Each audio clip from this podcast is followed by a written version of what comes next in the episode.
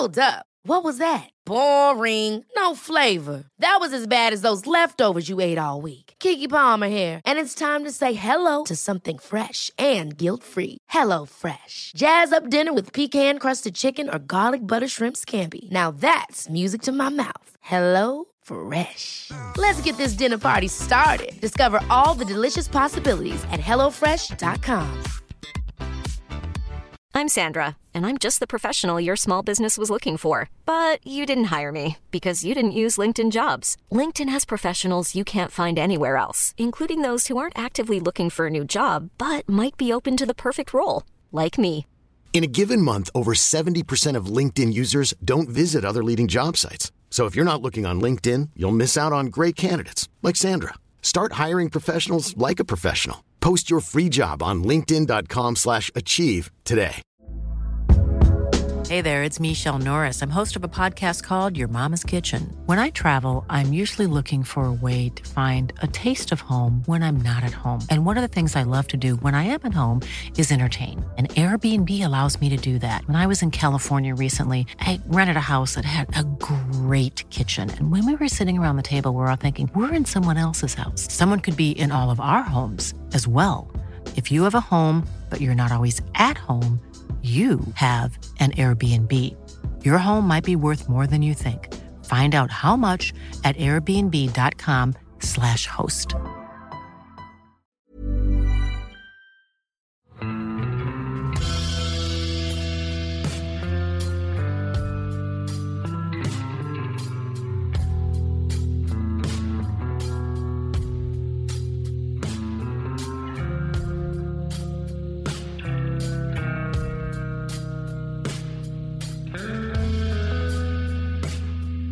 Hei og velkommen til podkasten Uteliv. Mitt navn er Randulf Valle, og når vi tar opp denne episoden av podkasten Uteliv, så er høsten i ferd med å bli til vinter her i Trondheim. Og dagens episode den handler nettopp om å utvide friluftslivet sitt, slik at man òg overnatter ute om vinteren. Det er jo ganske mange som har starta med spesielt sommerfriluftsliv de to siste sesongene, men mange syns nok at det å overnatte ute vinterstid kanskje er litt skummelt. Og dagens gjest som skal hjelpe oss med å finne ut av det her, det er Une Cecilie Oksvold. Velkommen. Tusen takk for det. Mhm. Eh, Du har jo relativt nylig funnet gleden over for så vidt både friluftslivet og vinterfriluftslivet, ikke sant? Absolutt. Jeg eh, er jo av den typen som egentlig ikke likte å fære i naturen, eh, frem til jeg var sikkert en ja, fire-25 år. Så da fant jeg naturen for første gang, og det var jo på en litt sånn artig måte, egentlig. Um, jeg jeg har slettet en del med psykisk helse opp gjennom uh, livet. Og som 24-åring så traff jeg den berømte veggen, da. som ganske mange av oss gjør i løpet av livet. Og da traff jeg på en lege som eh, tydeligvis så noe i meg som ikke hadde skjedd før, for etter mange, mange timer på hans kontor så sa han til meg at eh, ja, men Une, hvorfor tar du ikke med deg hunden opp i marka og setter opp et telt og tenner et bål, da? Eh, og for meg så var det et sånt latterlig forslag, fordi eh, ja, som sagt, jeg hadde ikke likt friluftslivet, verken som barn, ungdom eller ung voksen. Jeg var den som alltid frøys og kom sist, og liksom syntes alt var bare tungt og kjedelig. Eh, men på det tidspunktet så var jeg kanskje så desperat etter et sånt lyspunkt i livet og et eller annet å på en måte holde meg fast i i den tunge tida, at jeg var villig til å prøve det meste på å få det til å bli bedre. Så da eh, tok jeg turen opp til Lian, da. Jeg hadde jo ikke noe telt, så det var jo helt uaktuelt. å båle. det torde ikke jeg å by meg ut på, for da hadde bymarka stått igjen, tror jeg. Men eh, tok trikken opp til Lian med hunden min Juster og satte meg ned med vannet der og bare Ja, var litt sånn OK, ja, hva, hva skal jeg gjøre nå, liksom? Og så gikk det en liten stund, og så plutselig så bare fikk jeg en sånn enorm ro og tilstedeværelse innover meg, og frysning av hele kroppen, og bare Åh, det var akkurat som den angsten som jeg har gått med, bare liksom blest ut med vinden, og det var en sånn euforisk følelse, da, som jeg aldri har kjent på tidligere, og jeg var helt sånn Wow, OK, her er det et eller annet som jeg er nødt til å fortsette med, for her følte jeg meg hjem for første gang. Jeg fant liksom plassen min, og det var så absurd, for det var absolutt ikke der jeg hadde forventa å finne den, da. Så det var veldig sterkt. Ja. Eh, Men eh, hvordan på en måte tok du det videre derifra? Så du hadde gått av trikken og rusla ned til et vann med, med hunden. Altså, hvordan ble reisa videre derifra? Nei, altså den dagen så var jeg jo bare at Miljøvann og satt der og på en måte eh, nøyt et lite, ja, en liten stund, og så dro jeg hjem igjen. Terskelen var ekstremt lav for at mitt friluftsliv skulle kalles et friluftsliv. Eh, men jeg var jo veldig nysgjerrig, og selv om jeg hadde bodd i Trondheim i fire år, så hadde jeg aldri utforska Bymarka. Så var det steget jeg tok videre, var rett og slett å ja, gå meg bort i både Bymarka og Estenstadmarka. Eh, ta med meg Juster, gå i mange timer i små stier og veier, utforske og ikke på en måte Jeg skulle ikke gjøre noe store greier, jeg skulle bare gå og være ute i naturen. Og, og ta det veldig stegvis, fordi jeg visste ikke hvor jeg skulle hen, jeg visste ikke hva det her innebar. Jeg var jo det jeg kaller meg ennå, da, for en friluftsfersking. Eh, som på en måte ikke visste opp ned på en sekk, og hva trengte jeg, liksom, og alt sånt der. Etter hvert så begynte jo dette forslaget med å legge seg i telt og tenne et bål fra legen, det begynte jo liksom gro på meg, da. Så jeg fant ut at nei, det skal jeg prøve, ja. og det gikk jo så som så første gangen. Ok. Ja, jeg eh, fant ut at jeg skulle legge meg på Kobberdammen, eh, som eh, vi, Nå vet jo jeg at det er et veldig populært sted eh, i Bymarka, det visste ikke jeg den gangen. Eh, jeg bare tenkte sånn, det er lett å komme til, la meg rett opp med stien. og eh, ja, fikk ikke til å tenne bål, da, skulle ha med meg noe engangsgrill, fikk ikke fyr på den. Um, og skyndte meg å legge meg i teltet før det ble mørkt. Og det som sagt, det er jo veldig travelt rundt der, så det var jo så mye folk. Så jeg var jo livredd. og våkna opp om natta og var helt sikker på at det var noen som var på tur inn i teltet mitt, og ringte hjem til samboeren og bare 'Å, du må hente meg', liksom. Men vi hadde bare én bil, og den var det jeg som hadde oppi marka. Så jeg turte ikke å røre meg, rett og slett. Så jeg bare ble liggende og høre på en sånn eh, musikkliste jeg hadde på, eh, på Spotify, eh, med godsanger på, for å roe meg ned. Og til slutt så sovna jeg og våkna opp dagen etterpå, og det var lyst. Og jeg bare Å, herlighet, jeg har klart det! Jeg var så stolt. Og frista jo absolutt til gjentakelse, men jeg øvde meg veldig, veldig mye eh, før jeg dro på tur neste gang, alene. Det skulle ta 14 måneder jeg torde å gjøre det på nytt. Og da var det tørrtrening med sekk på ryggen og telt og tenne bål i marka og ha en fin dag ut og dra hjem når mørket kom. Rett og slett for å bli vant med det og lære meg hva jeg trenger jeg, hvordan gjør jeg det her, hva er en bra teltplass, hvordan tenner jeg bål, i det hele tatt. Så det ble eh, en veldig spennende reise, egentlig, fram mot den neste teltturen, da. Ja. Mm. Men eh, når, eh, hvor lenge gikk det før du begynte å tenke på at det gikk an å sove ute om vinteren? da? Ja, fordi etter jeg hadde brukt de her 14 månedene på oppakkinga og tatt en tur Da var det i september eh, året etterpå. Det fikk jeg en kjempegod opplevelse med. Da var det jo høst, det var litt kaldere i lufta, men samtidig det var jo tørt og fint og sånn. Etter jeg hadde klart den turen, så tenkte jeg nei, nå, nå må jeg prøve. Nå må jeg prøve meg på vintertur. Så desemberen det året, da fant jeg ut at eh, nei, nå drar jeg. Klokka var ti på kvelden. Jeg må alltid gå ut seint når jeg er usikker, fordi jeg vil ikke ligge i teltet og, og høre på lyder og være redd. Så da kjørte jeg opp til um, Henriksåsen-parkeringa oppe i Bymarka. Jeg gikk 50 meter, bokstavelig talt, fra parkeringa, av skisporet, inn mellom noen trær der, og satte opp teltet. Og det var min første opplevelse med vintertelting, da, i 50 meter, nei, 50 meter, sier jeg. 50 centimeter med pudder og tresesongstelt med små plugger.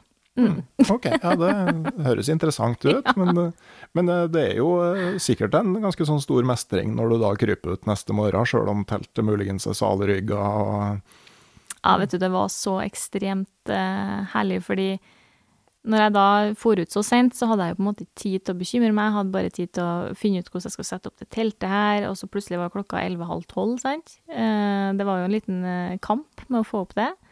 Jeg hadde med meg hunden min, Juster, som jeg ikke hadde hatt med på vintertelting før, så jeg var jo litt sånn, ah, hvordan løser vi det? Hadde med noe jakke og sånn som han skulle ligge i, og så sovna jeg ganske fort. Og så våkner jeg av den derre pustinga og passinga til de sportslige folkene oppi marka som skal ut og gå på ski tidlig om morgenen, og åpne opp teltet og se bare det vakre lyset. Det var sikkert ti minusgrader, og fikk tent meg et morgensbål mens Nuster fortsatt lå i soveposen, for han var så kald, stakkars. Og bare kjenne på den derre Å, herlighet, har jeg gjort dette, liksom? Og det gikk jo fint. Mm. Jeg fikk det jo til. Det var helt fantastisk, sjøl om det bare var 50 meter fra parkeringa. Så var det en kjempeartig og ikke minst stor mestringsopplevelse, som du sier, da. Mm. Men, eh, men eh, noen vil jo si altså, hvorfor skal man drive og sove ute i telt og under åpen himmel om vinteren? Hva, hva er det det gir? For meg så har det alltid vært et sånt eh, videre driv til å utfordre meg videre i friluftslivet, så jeg starta så gærent på scratch.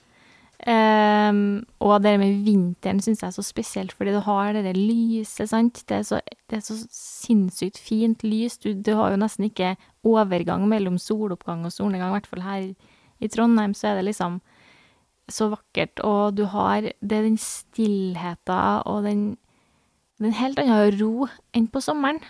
På sommeren er det veldig mange som er ute og farter, og her ligger telt, og det er jo fantastisk fint å se at det er så mange som har blitt eh, aktiv i friluftslivet, men det er noe med den derre magien, på en måte, som oppstår når du er alene under ja, stjernehimmelen, og det liksom månen lyser opp, og du trenger ikke lommelykt, for den er så sterk, og liksom Jeg vet ikke, jeg. Det er de små øyeblikkene som blir veldig store, da, for min del, og ikke minst den mestringsopplevelsen om at wow, jeg har faktisk sovet ute i 10-20 minusgrader og overlevd. Mm. For meg var jo det dritstort. Mm. Mm. Har du noen sånn eh, vinterturopplevelse, som sånn øyeblikk som framstår som det største, liksom? Det, det ja, jeg, eh, jeg har jo gått på Dronning Maud minne som barnehagelærerutdanning, da, og på friluftslinja der. Og andreåret da skulle vi på en sånn tredagers vintertur i Trollheimen med ski og sekk. Og jeg er jo ræva på ski, da, vet du. Var i hvert fall det den gangen.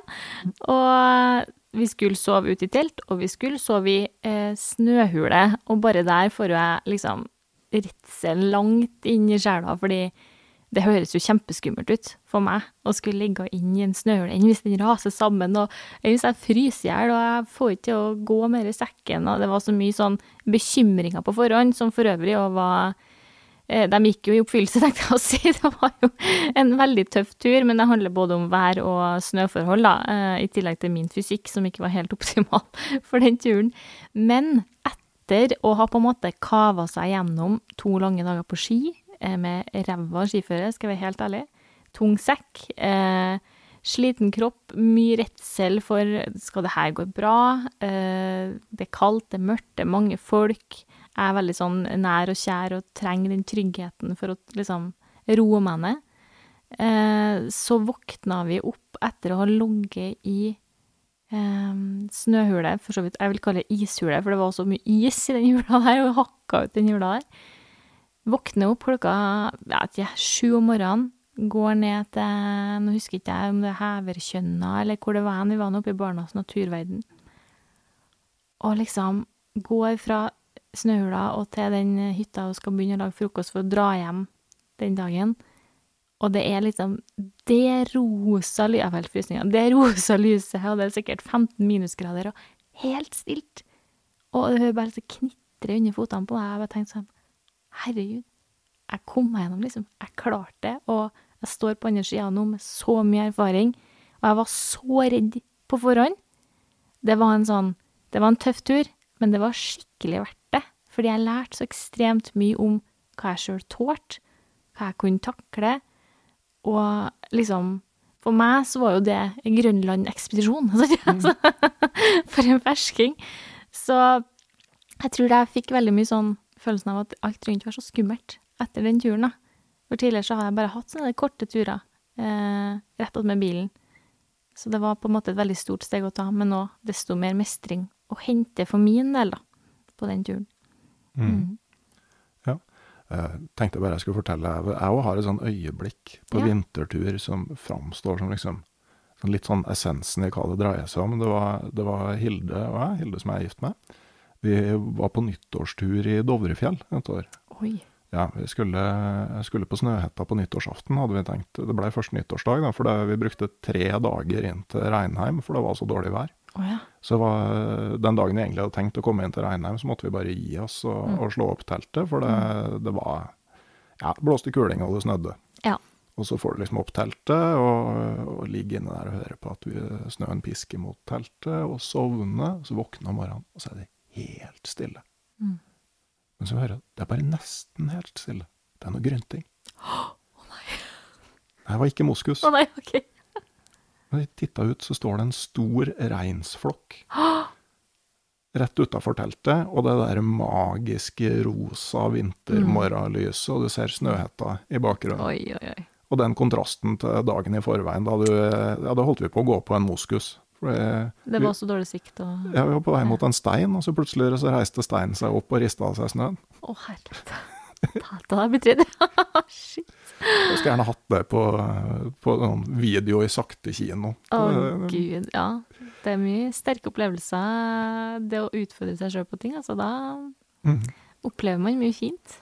Ja, og det er jo nydelig eh, liksom ute Altså det er mange som venter med å dra ut på ski og på tur og sånn til det nærmer seg påske, og det er fint det òg, når det er godt og varmt og sola varme og sånn, men sånn rundt jul Ja. Det magiske blålyset som da skjærer over mot rosa, og eh, sånn når mm. sola går opp og, og ned, og så bare stikke ut og begynne å gå på ski mens det fortsatt er mørkt. Jeg er så enig, og det er så fint. Og det er i hvert fall liksom på hverdagene i marka her i byen, på morgenen, da er det fint. Da er det magisk. Mm. Før liksom resten orker å komme seg opp. Og, og da har jo folk jobb og sånn, og selvfølgelig. Det er litt sånn Man må være litt taktisk på når man går ut for å få de stille øyeblikkene. Men eh, nei, jeg sjøl, jeg syns det er så fantastisk, spesielt i desember og januar. I fjor var det jo sånn 15-20 minus i den perioden jeg var ute hver dag. Det var så magisk. Det var så deilig. Og ja, selvfølgelig påskefin òg, men ja. Den perioden er Jeg gleder meg. Nå begynner det å snø i marka snart. Eller det Ja. har vel snødd allerede. Litt. Det, det har snødd, men eh, jeg er jo vokst opp på det indre Østlandet, eh, Ja. i Gausdal opp mot Gausdal Vestfjell. Eh, 20 minutter å kjøre til du er 1000 meter over havet. Ja.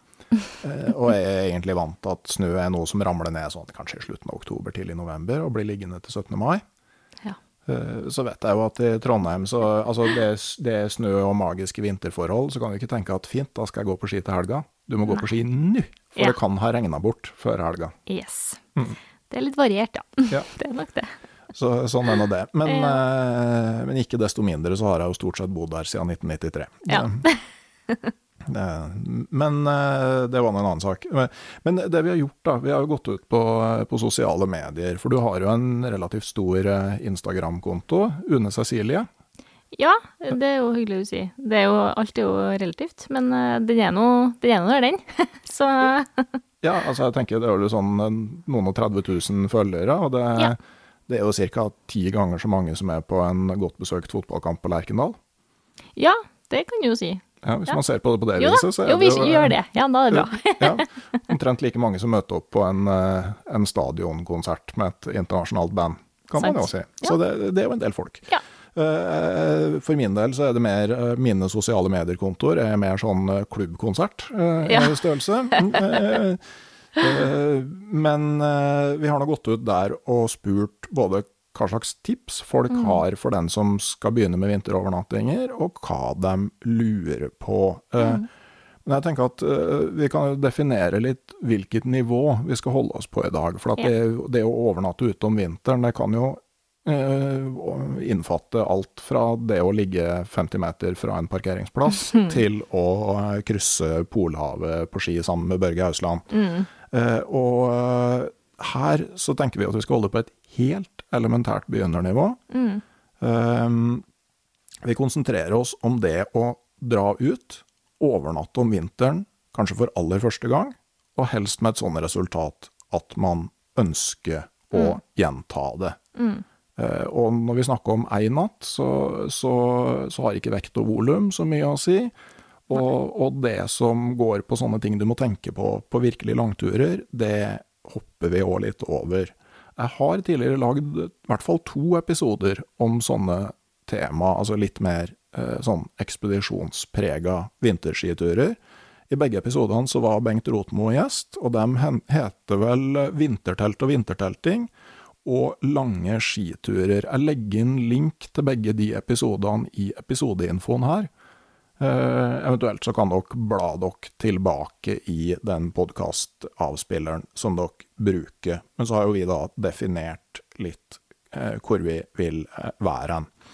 Men det var et Ingstad-sitat som har liksom romstert i hodet mitt når vi begynte mm. å og begynte å planlegge den, eh, den, episoden her. Jeg klarte ikke helt å finne ut hvor det var fra, for jeg fant det ikke i Pelsjegerliv.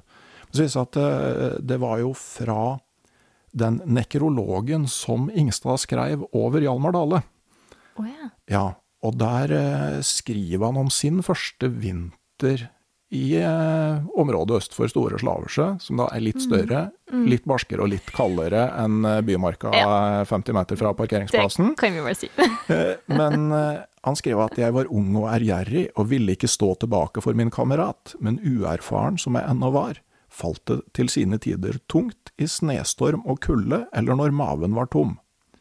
Men jeg lærte, og etterhånden ble det hele et dagligliv. Man tok ikke innslagene av ubehag for høytidelig, man lærte det som er noe av det viktigste. Bli vant til fra tid til annen å ha det ondt. Så var det jo også det at det onde straks var glemt, når bålet flammet opp og duften av renskjøtt stekt på spidd kildret i neseborene. Mm. Fint. Mm. Og, og, jeg tror, altså sjøl om man ikke skal gå og sulte i flere dager til man får skutt seg en rein, liksom. Eh, så tror jeg Ingstad er inne på noe viktig. Mm. For når du drar ut om vinteren, så er det ikke til å unngå at det innimellom er litt ubehagelig. Nei, det er jo noe med det, og det er jo noe med at vi må bli vant med å gå fra den sesongen før òg, mm. til det plutselig blir ja, kanskje 10-15 minus. Eh, kroppen kan jo få seg et sjokk, eh, tenker jeg i hvert fall i starten av sesongen. Men det er jo ikke å stikke under stol at eh, det er jo kaldt, og tærne vil fryse, og vannet vil fryse, og det er jo, eh, ja, ubehagelig at teltstengeren sitter sammen, og du fryser på fingrene, og liksom Det er sånne små eh, biter av ubehag som òg kommer til å oppstå på sånne korte turer, men det er samtidig ekstremt mange fine opplevelser som kommer ut av det òg. Det er jo aldri sånn at et friluftsliv er utelukkende røde roser og eh, ja, rosa himmel og i det hele tatt. Det er jo de øyeblikkene som er vanskelig òg, men desto sterkere vil jo den mestringa bli, tenker jeg òg. Så litt motstand må vi kanskje ha òg, tror jeg. Ja, jeg tror, altså, For igjen å fortsette å definere det vi skal gjøre. altså Vi skal ikke fortelle mm. deg hvordan du kan dra på vintertur uten at det noen gang blir ubehagelig. Nei. Men målsetninga må være at det du får i retur, teller mye mer enn det ubehaget du har underveis. Mm. Og jeg tenker jo kanskje òg eh, i dag at man kanskje er litt for opptatt med å unngå ubehag. Det er ikke alt ubehag som er av det vonde. Nei, og der eh, sier du noe viktig, tror jeg. Fordi jeg har òg vært litt av den oppfattelse at alt skal være så behagelig. Eh, men det er jo for det første kanskje ikke realistisk eh, på de her type turene. Eh, I tillegg så Altså, det smaker alltid bedre. Premien smaker alltid bedre etter en liten utfordring eller en kamp i forkant. Eh, og vi lærer jo ikke hvis alt skal være så innmari komfortabelt heller. Så jeg tenker at det er noe man bør ja, ha litt i bakhodet. Og så er det jo ikke farlig det er jo ikke farlig å fryse litt, sant? Det er ikke farlig å ha neglebit på tærne. Um, I hvert fall ikke når man er 50 meter fra bilen. Eller ja, litt lenger uti, kanskje. Men ja, i forhold til det her med å være fersk og, og begynne med uteliv, eh, eller ja, friluftsliv på vinteren, da, så er det ja, kanskje greit å innse at det kan bli litt ubehagelig til tider, men det er ikke farlig. Nei, og og det som jo eh, liksom typisk er eh, at eh, den perioden fra du er kommet dit hvor du vil overnatte, mm. og til leiren er klar og du kan krype i soveposen, og den perioden fra du kryper ut av soveposen om morgenen til du er klar til å begynne å røre på deg, mm. da, da, er det ofte litt sånn uggent iblant. Det kan det godt være, spesielt hvis været ikke er på din side, eksempel, eller ja, som jeg sier, at det fryser i noen stenger, eller ikke får ned Altså, jeg har køla så mye med telt i djup snø at det liksom At det måte på. Det tok meg jo Første turen tok meg jo å innse at jeg måtte jo ha snøplugger, for eksempel. Eh, Og ikke sånne små sommerplugger som jeg hadde med meg. Heldigvis hadde jeg med meg et kuppertelt da, på min første tur. Så det var jo sjølstående. Eh, og det var jo ikke noe vind innimellom de grantrærne der, så jeg festa nå bare burdunene til noen greiner, og så satsa på at det gikk bra, og det gjorde det jo helt fint. Um, men um, det er sånne små lærdommer man henter med seg, da. Og Ja. det må man regne med, tenker jeg. Mm. Og det er jo ikke sant, den første turen Altså, jeg tenker at det er lurt som, Man kan gå litt mer enn 50 meter, Absolutt. men man trenger ikke å gå 5 kilometer. Men, men jeg tenker at det er òg en fin ting å vite hvor du skal på den første overnattingsturen. At du har sett deg ut et sted, at du kanskje har vært der, eh, eller at du har vært der før. Eh, og eh, du kanskje har en plan B og en plan C i tilfelle det, det er opptatt. Sånn at du kanskje prøver å minimere de tingene som er nytt samtidig. Helt enig. Jeg er jo sånn som er veldig på det her med å ta steg for steg, og ha minst mulig uforutsette problemer som kan komme din vei, da. At du, som du sier, du har vært der før, kanskje vet du om jeg har tilgang på tørr kvist, ved, hvis jeg skal tenne bål, eller om jeg har det med meg. Alle sånne ting på forhånd gjør jo at det blir mindre, også på en måte mindre utfordringer å møte der du er, for det kommer jo alltid noe du kanskje ikke er forberedt på hvis du er på første vintertur. Men desto mer du har klart på forhånd, desto lettere er det jo å gjennomføre den turen òg. Og desto tryggere vil du føle deg, i hvert fall hvis du er som meg, da, som kanskje er litt engstelig av meg, sant. Så eh, Og jeg tror kanskje veldig mange er litt engstelige, spesielt for det her med friluftsliv på vinterstid, fordi det er den kulden og den snøen og de utfordringene som man kanskje ikke helt eh, ja, har så mye erfaringer med, da. Um, Ja. Nei, og du kan jo da velge et sted som er litt sånn beskytta for vind og vær. Du trenger ikke å dra opp i høyfjellet, altså, med mindre du bor i en kant av landet hvor det egentlig ikke finnes noe annet. Mm. Men prøve å velge plasser som er skjerma, og så trenger du jo heller ikke dra ut akkurat den dagen det er meldt stiv kuling eller 30 kuldegrader. Det, er ikke da du trenger å begynne med vinterfriluftslivet. Nei, helt enig, og det er noe man må planlegge på forhånd. sant? At man ser at forutsetningene mine er sånn her, og de her eh, elementene rundt meg er sånn. Hva er det som går opp i opp? Sant? Du må velge tur ut ifra dine egne forutsetninger, og er du helt fersk, så velger du gjerne en tur en litt finere hverdag, kanskje, da, enn, som du sier, i stiv kuling på, på Dovre, kanskje. Det er kanskje ikke det første du starter med. Nei, det, det kan være greit å ta det litt sånn stegvis. Ja. Og, eh, og så er det òg, hvis du virkelig vil gjøre det lavterskel, da, bare finne ut om hvordan det er å sove ute. Så altså, du kan sove på balkongen eller verandaen. 100% Det har jeg gjort mange ganger, både på sommeren og vinteren. Og jeg husker første gangen jeg skulle sove i hengekøye, så var jeg så usikker på hvordan jeg gjorde det, rett og slett, for jeg har aldri gjort det før. Så da valgte jeg å sove utafor hytteveggen oppe i Surndalen. Og eh, da var det jo 20 minusgrader, det var blekk stille, det var stjernehimmel, og jeg var sånn herre ja, det her prøver vi, og svigermor var helt sånn Nei, skal du det? Og nei, det blir kaldt. og Uff, og nei, det går ikke an. Så kjempestressa. Mens jeg hadde jo varm sovepose og tepper, og selvfølgelig da lille trikset med eh, varmeflaske i posen. Ja, for det er jo eh, en gjenganger i de tipsene vi har fått. Ja. Altså det å ha med Jeg kan godt ha med både to og tre varmeflasker. Altså jo mer, eh, jo bedre. Mm. Eh, Jeg liker jo å regne på ting og sånn. Det, det er jo sånn for, en, for en vitenskapsmann så, så måler du aldri ting du kan beregne. Det går, my, går mye fortere å beregne enn å måle. Ja. Eh, Og en sånn enkel kalkulasjon, hvis du har en liter vann som eh, starter på 90 grader og gir fra seg varme helt til den er 30 grader, det tilsvarer kroppens energiproduksjon i nesten en time. Ja. Sånn at hvis den flaska bruker to timer da, på å gå ned, så har du liksom 50% ekstra kroppsvarme i to timer. Ikke sant? Der har du et steg opp fra meg. jeg bare tenker det her er varmt, det er bra.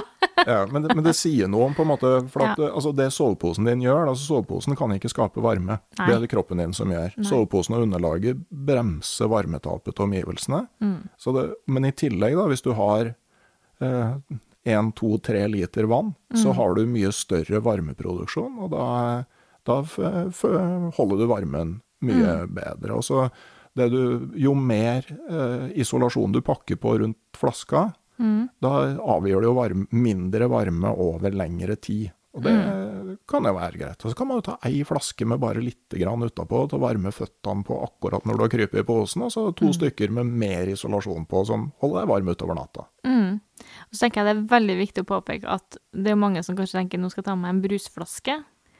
Unngå det, fordi de kan jo, det kan jo lekke, sant. Det viktigste, tenker jeg, det er å velge enten en vanlig eh, gummivannflaske, sånn, sånn som er laga for det, en varmeflaske, eller en sånn nalgeneflaske med en ullsokk over. For dem, de er litt tettere, for det er litt kjipt å legge seg i den posen hvis den er skikkelig blaut. Det varmer ikke sånn kjempemye, i hvert fall ikke hvis du har en dunpose, da. Nei. Da blir det kaldt. Nei, det var vel en av dem som kommenterte, jeg lurer på om det var hun Line Victoria Sverdrup, ja, det kan godt hende, ja. som eh, kommenterte at de hadde vært på en sånn eh, på en sånn, eh, jeg tror det var en sånn folkehøyskoletur i Alaska. Oi. Hvor det var ei som da sørte ut en liter vann inni, eh, inni soveposen eh, på, på kvelden. Da. Og eh, det, det, det er jo litt stress. Ja, det er det. Og når det er så kaldt òg, så det kan jo bli farlig òg, tenker jeg. Eh, Men heldigvis skal ikke vi på sånne turer Eller jeg, da, skal ikke på sånne turer foreløpig. Men eh, nei, det er veldig viktig at skal du ha med vann i den posen, så må du være sikker på at det er tett. Hvis ikke, så er det sabotasje. Ja, og eh, for så vidt et triks hvis du har med deg ungene dine på vinterovernatting, Ja. så er det veldig fint om de har Eller voksensovepose. Ja. Hvis de skulle tisse inn, så kan dere bytte plass. Helt enig, og det har jeg jo snakka med annet han Jostein Wæge om, som har med seg ungene sine på tur. Han er jo kjempeinspirerende på de greiene der, og har sagt akkurat det samme, at ha en stor pose, for da slipper du å sove i en sånn bitte liten barnepose hvis han skulle ha gjort seg ut på tur, da.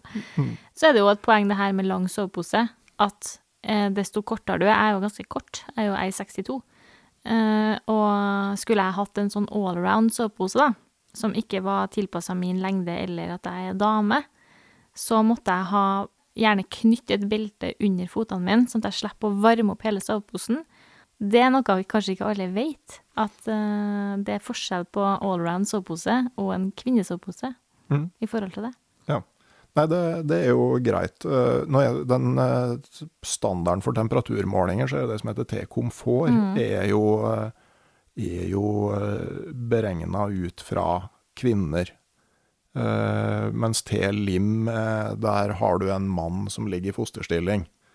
Ja. Eh, og, men, men det er jo en kjensgjerning at mange damer fryser tidligere enn menn, og så er det veldig individuelt hvordan du ligger an i forhold til den standarden. Ja, det tror jeg nok. Og jeg er nok en sånn superfrysepinn, så jeg er jo sånn som sover med ekstrem sovepose nå, liksom. og gjerne kanskje i sommer òg, hvis det har vært kaldt.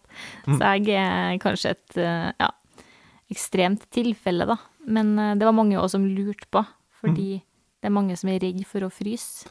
Ja, og det, det tror jeg kanskje er den største frykten til folk. Det er jo spesielt å fryse om natta, og, og det er jo fryktelig slitsomt. Altså, Ja. Første vinterturene mine husker jeg sånn en sånn Ayungelak Iglo sovepose som var blå utapå og oransje inni. De som er født på 70-tallet husker jeg antagelig den, den var ganske standard. Og så et tynt, tynt, tynt underlag. Å, gud. Og så husker jeg det var blitt mørkt, og jeg våkna, og jeg tenkte sånn, å håpe klokka er sånn kanskje fem, i hvert fall fire, at det snart er morgen. Så så jeg på klokka, så var den kvart på elleve. Å, herlighet. Åh. Så det var en lang natt. Og det er så forferdelig å fryse på natta, det er det verste. Da gjør det jo opplevelsen kjip, sant? Eller kan gjøre, da. Du kan jo selvfølgelig få fine opplevelser når du står opp, men eh, jeg tenker det å kle seg og velge riktig materiale på klærne du bruker, at du velger ull, eh, og at du har rom for litt luft imellom, at det ikke liksom er klistra på lag på lag på lag, men at du har kanskje litt space. At du har et tjukkere ullag utenpå det tynne, sant? at du har lue, at du har to par med sokker i ull og en god ullgenser og hals. det er så viktig. Mm. Eh, for det, ja, det kjipeste er å fryse, altså. Det, Ja. Og så tenker jeg at uh, i utgangspunktet så trenger du ikke å kjøpe så veldig mye nytt. Det er jo folk som sier at uh, noen av tipsa er liksom god dunsovepose, god dunjakke, gode dunsokker. Men jeg tenker sånn, ok, jeg får sånn Ja. kassaapparat oppi hodet, og, Ja. og det stopper på sånn kanskje 15 000 kroner. Uh, minst. Ja, ja, det er dyrt. Og det trenger du ikke på den første turen. Nei. Eh, altså på to soveposer inni hverandre. Altså hvis du har to tresesongposer, Mm. det blir veldig godt og varmt samla. Altså rask sammen på en måte nesten det du har av liggeunderlag. Altså tre skumgummiunderlag, ja, ta det med. Mm. Har du reinskinn, ta det med. Ja. Eh, og oppblåsbart underlag, ta det med. Altså det, det er aldri noe problem at du blir for varm på vintertur. Nei, det Heller det. Ja, og, Da kan du åpne posen. Mm. ja det kan du, det kan du eh, gjøre. Og så eh, med, med klær òg, er jeg enig. Altså, der du kan bruke det du har. Altså, I hvert fall styr unna bomull inn mot kroppen. Ja. Eh, jeg tenker at eh, altså, ull eller kunstfiber eh, er ikke noe fundamentalist på det. Nei da, det Det- går jo bra med flis, og for all del, altså. Det Ja, og for så vidt altså sånn, hvis du, øh, hvis du stort sett driver med trening ikke sant, og har superundertøy, altså Ja, det, Det går. det, det går eh, helt fint. Det er jo faktisk en del som foretrekker det, eh, av folk som går lange og kalde turer òg. Mm. Så, men, men det er jo mye fint med ulla, ikke sant. Altså at, eh, med lukt og Ja. sånne ting. Så, eh, men men du, du trenger ikke på en måte å Nei, nei, nei. kjøpe nytt. Absolutt ikke. Og det er jo som du sier, altså rot nedi kjelleren og se hva du finner. Har du en jervenduk, eksempel, du snurper over i soveposen, så er jo det genialt, sant. Da har du et ekstra lag. Har du en noen som har en lakenpose liggende, så er det et par grader ekstra. Altså alt du kan på en måte kle på og tre over med lag på lag, det tror jeg er en fornuftig ting å gjøre, da, i stedet for, som du sier, da, for å kjøpe deg en vintersovepose til 6000 kroner, og så var ikke noe for deg likevel.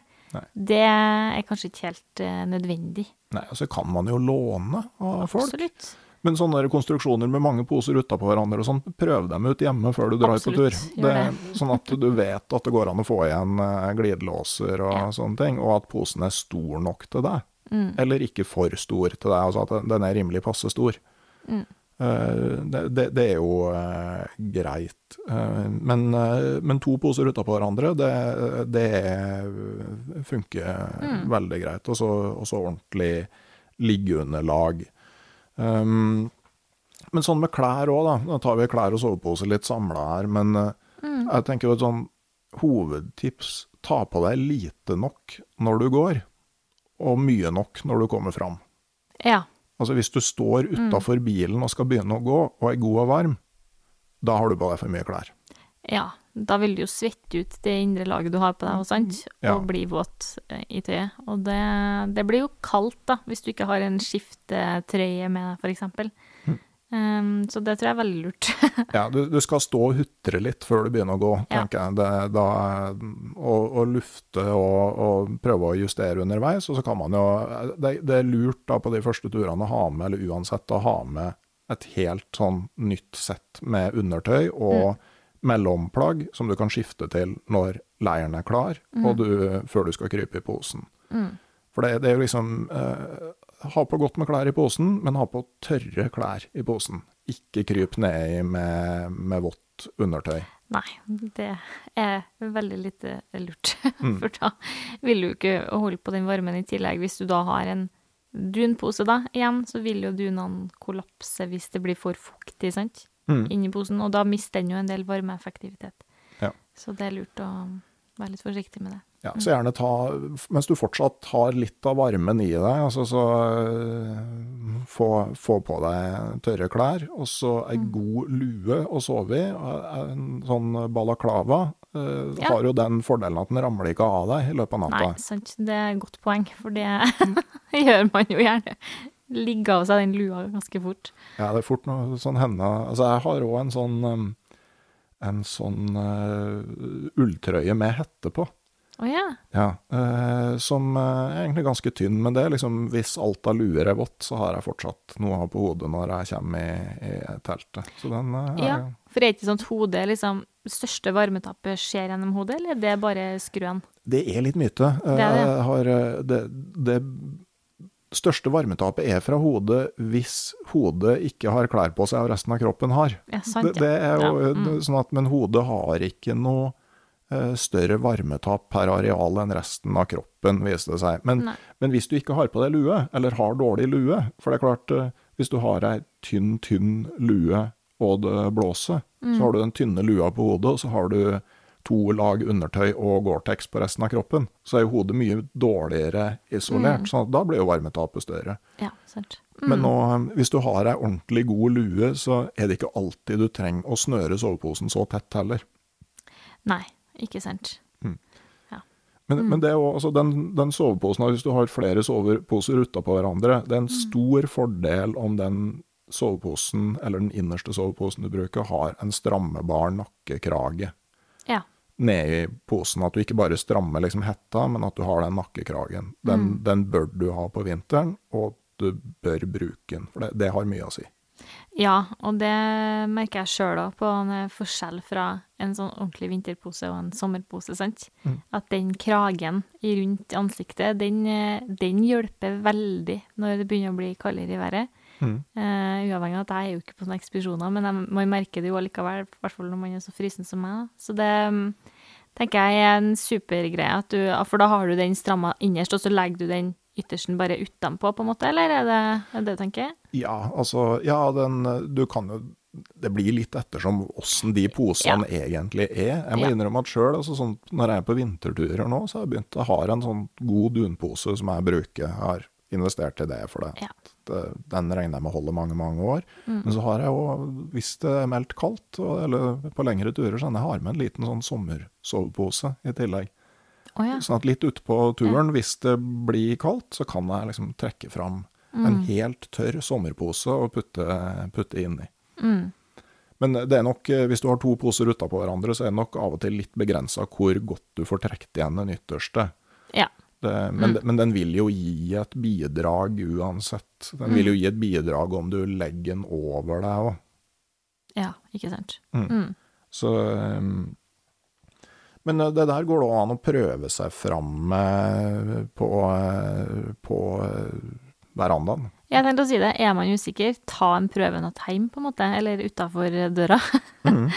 Og så, så er det jo sånn da, du kan jo velge mellom flere måter å overnatte på. Altså, jeg har notert telt, hengekøye, åpen himmel, gapahuk. Eh, og noe man skal være klar over da, er jo at lufta inni et telt er vesentlig varmere enn lufta på utsida. Ja. Det kan være, eh, hvis det er veldig kaldt, så er det veldig stor forskjell. Mm. jeg fikk fra Bengt Rotmoen målte temperaturen inni og utafor teltet gjennom en hel Alaska-kryssing. Og hadde faktisk så mye som 20 grader forskjell om Oi, natta. shit. Ja, det utgjør jo masse. 40 grader ute og 20 grader inne. Ja, sant. Når du er på sånne turer, da har det jo sykt mye å si. Men, men eh, tilsvarende, altså i marka, 20 kuldegrader eller 15 kuldegrader på natta ute, inne i teltet er det vesentlig varmere. I tillegg så står lufta inne i teltet mye mer i ro, og det gir òg en sånn eh, bidrag, da. Eh, det er jo en del som spør om du trenger dedikert vintertelt, eller om du kan bruke tresesongstelt. Eh, jeg har jo brukt tresesongsteltet mitt eh, på vinteren. Eh, og da tilpasser jeg jo det at jeg setter ikke, som du sier, jeg setter ikke på noe snøfjell der det kan eh, gå ei stang i vinden, på en måte. Jeg setter det innimellom trærne. Det går helt fint, tenker jeg. Eh, det handler jo litt om eh, Vintertelt har jo en sterkere duk, som regel sterke stenger, lengre plugger, sånne ting. Eh, men jeg tenker, har du et tresesongstelt, og du skal inn i marka, ha med deg plugger utenfra, for de vil jo ikke ha sånne snøplugger. Det må du kanskje få tak i deg i tillegg. Eh, sjekke at du har et feste på det teltet ditt som går i pluggen, fordi den kan jo være litt stor, sant? Kanskje må du til med noen små hemper eller noe sånt for å få festa det. Men eh, så lenge du på en måte holder deg unna de veldig utsatte stedene for vær og vind, så tenker jeg at det er helt greit. Er du enig? Helt enig. Ja. Bra. Så, så lenge du holder deg i skogen, så, så kan du bruke litt hva som helst av telt. Det som er greit, er jo å ha lufteventiler hvor du kan åpne myggnettet. Ja, sant. Eh, Få ut kondens. få ut kondens, og at det ikke, at det ikke frys i myggnettingen. For da kan jo luftinga bli ganske dårlig. Mm. Eh, Så, for det er, jo, det er jo, som du sier, altså soliditeten er vel hovedforskjellen på et tresesongs- og et firesesongstelt. Men, Mm. men vinterteltene har ofte òg en del bedre lufting. Absolutt. Mm. Det har de. Så, men, men det holder i massevis med, et, med det teltet du har. Altså et, jeg tror egentlig sånn i Bymarka, Nordmarka og sånn, så kan du dra med et biltematelt. Det, Ja, ja, ja. Og ikke minst, altså, som, som igjen, jeg har jo sovet ute i, i hengekøye Mm. eh, i 20 minusgrader og finvær, sant? Og det går jo helt fint, det òg. Mm. Man må ikke ha telt. Man kan jo legge seg under åpen himmel hvis man er klar for det. Men igjen, ta det etter dine egne forutsetninger, og ikke ta for store steg, for da kan det jo bli ubehagelig òg. Men Mm. Men det- samtidig, hvis du ligger under åpen himmel eller i gapahuk, så kan du jo fyre bål, og eh, da har du liksom flammene å varme deg på når du må gjøre sånne småoperasjoner. Mm. Eh, og der er det jo greit med altså, å ha noen tynne, tynne hansker med seg. Mm. Eh, så du, spesielt at du slipper å ta i metall og sånn med, med Ja. bare fingre. Ja. Det kan man få seg en karamell. Ja, det- ta. Kan jo fort sitte fast. Men, men hengekøye på vinteren, det har ikke jeg noe erfaring med i det hele tatt. Hvordan, hvordan, gjør du, hvordan gjør du det? Nå skal jeg være helt ærlig og si at jeg har ikke vært på langtur med hengekøyetur på vinteren. Jeg har eh, sovet ut uh, utafor hytta, og det gjør jeg hver påske. eh, og gjerne og hvis jeg er der i desember. Fordi da føler jeg meg trygg til å, til å gjøre det. Fordi det er noe med å holde inn varmen, sant. Men det vil jo sikkert være på samme måte det at man kommer frem til camp, setter opp eh, hengekøya, tenner seg et bål, kanskje legger seg i posen, sant. Man gjør jo fort det. Legger seg i posen. Kanskje kan man legge seg i posen foran bålet helt til man legger seg og skal sove eh, i hengekøya. Det er jo ikke noe mye forskjell, egentlig, så lenge været er greit. Man kan jo selvfølgelig bruke en tarp hvis det er veldig mye nedbør. Det er jo fordel, sånn at du ikke snør ned. eller, eller blæser av gårde. Um, men eh, uten, utenom det så har ikke jeg noe erfaring med at det er sånn kjempeulikt uh, å legge seg i telt eller legge seg i en hengekøye. Hvordan gjør du det med underlag og sånn i hengekøya? Jeg bruker egentlig så Jeg har prøvd begge deler. Jeg har prøvd sånn skumunderlag og ha oppblåsbart og sånne ting, men jeg opplever at det sklir ut under meg, så jeg bruker heller gjerne ullpledd og skinnfell oppi. Eh, hvis at du ligger eh, og soveposen din kommer bort til duken på, på hengekøya uten at du har noe mellom, da blir det kaldt. Så greit å kanskje ha med seg ett eller to ullpledd, sånn at du får dekt hele køya, sånn at du ikke ligger eh, innat duken. Og så gjerne også ha det litt rundt det. Det er jo veldig hyggelig. Jeg syns jo det er, så koselig å henge henke på vinteren med litt av lyslenke, og der ligger du som et tynt hjortre, liksom. Det er superkoselig. Og veldig deilig å se på den fine himmelen og Ja, nei. Det er magisk. Ja. Eh, Så er det jo en del som lurer på det med sånn med fuktighet, rim, kondens. eh, Og annet anbefale å ha med børste, liksom, så du all snø før du kommer inn i telt. Og, og, og sånt er jo viktig når du skal være ute lenge. Ja. Eh, Og det er jo på en måte trivelig å ha minst mulig snø inne i teltet. Men det må å måte passe på at det ikke blir for mye fuktighet i klær og sovepose og sånne ting. Det, det kan du ta etter hvert. Det, det er ikke så Ja. viktig på den første turen. Absolutt ikke. Jeg tenker at da kan du jo stå opp og så dra rett hjem og henge alt til tørk og slenge soposen i tørketrommelen hvis det er nødvendig, på en måte.